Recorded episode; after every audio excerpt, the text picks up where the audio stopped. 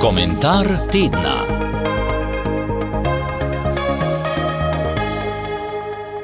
Komentar z naslovom Laž z dolgimi nogami je napisala dr. Helena Jaklič. Že kot majhno punčko so me učili, da lagati ni lepo in da ima laž kratke noge.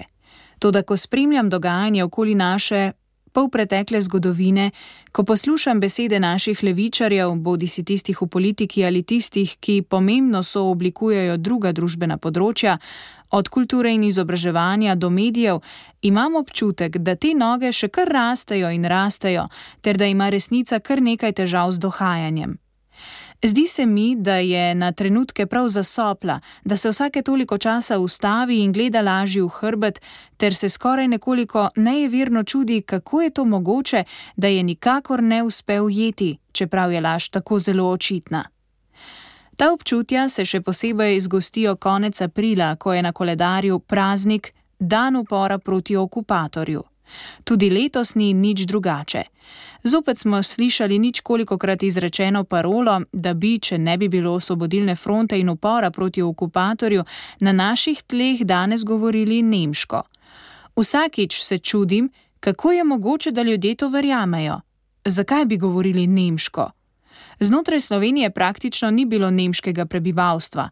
Avstrija, kot najbližja nemško govoreča soseda ob koncu vojne, ni bila v položaju, da bi se kakorkoli pogajala za kakšen nov košček slovenskega ozemlja. Nobena druga država okoli nas pa ne govori nemško. So se pa lahko slovenci upravičeno zbali za slovenščino v času tako nostalgično opevane socialistične Jugoslavije, kjer so partijski veljaki slovenščini odtegovali enakopravnost proti srbohrvaščini. Tudi danes se rado izkaže, da se ukrepi, ki niso naklonjeni slovenščini ali pa kažejo vsaj malomaren odnos do nje, sprejemajo prav takrat, ko imamo na oblasti ponosne dediče komunistične partije. Prav tako se iz leta v leto ponavlja laž o uporu proti okupatorju, kar nekoliko nelagodno mi je zopet omenjati že toliko krat povedano zgodovinsko dokazano dejstvo, da že datum spominjanja ni pravi. Še bolj pa, da aprila 1941 ni šlo za odločitev o osvobodilnem boju, temveč razglasitev imperialističnega boja komunistične partije proti Veliki Britaniji in Franciji kot nasprotnici Nemčije in njene zaveznice Sovjetske zveze. Ampak očitno je treba resnico ponavljati znova in znova, tako kot znova in znova ponavljajo laž. Tako je treba vedno znova spomniti, da je šlo partizanskemu vodstvu predvsem za revolucijo, ne pa za boj proti okupatorju. Eden od dokazov je gotovo različno ravnanje, ko je šlo za okupatorja in ko je šlo za sonarodnjaka. Ko je Italija kapitulirala, so italijanske vojake mirno spustili domov, prav tako ob koncu vojne nemško vojsko. Hvala Bogu, da je bilo tako, če ne bi bilo nedolžnih žrtev še več.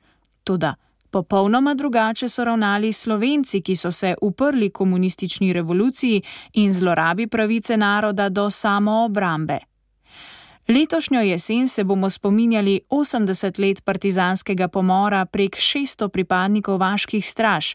Junija vsako leto so naše misli pri prek 11 tisoč izvensodno pomorjenih slovenskih fantov. Oboje je bil zločin, za katerega še danes ni nihče odgovarjal. Še huje, ti, ki opevajo pridobitve komunistične revolucije, ščitijo vse, kar bi razgalilo in obsodilo ravnanja njihovih idolov.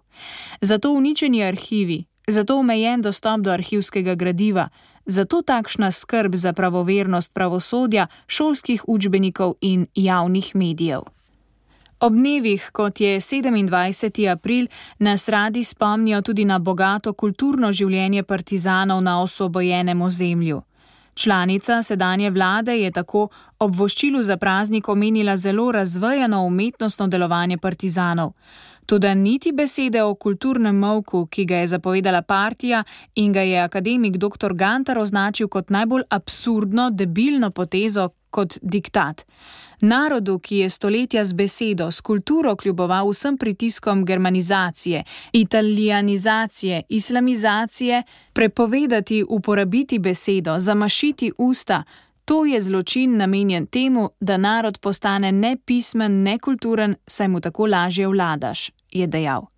Dejansko je šlo za to, da je partija pod pretvezo navidezno pluralne osvobodilne fronte, ki pa je bila vse kaj drugega kot pluralen odraz slovenskega naroda, samovoljno odločala, kaj je lahko kultura, kdo sme biti kulturnik in komu ta pravica ne pripada. To svojo držo je v polnosti življala tudi vsa desetletja po vojni, ko je totalitarno diktirala utrip naroda. In danes, tako se zdi, ni nič drugače. Pravico do javnega, družbenega, kulturnega govora bi smeli imeti samo naši, vsem drugače mislečim pa bi pravico do javne besede najraje prepovedali.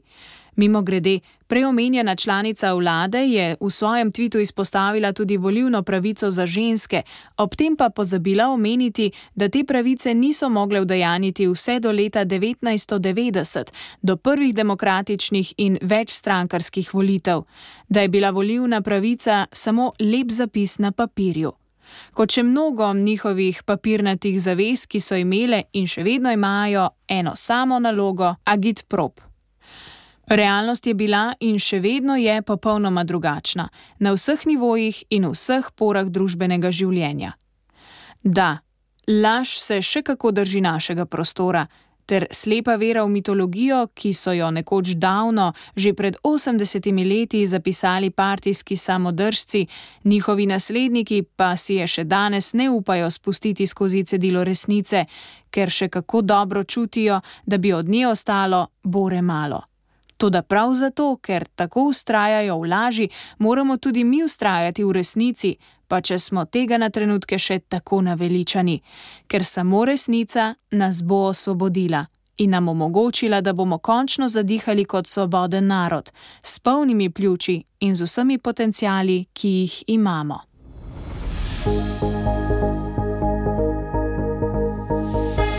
Komentar tedna.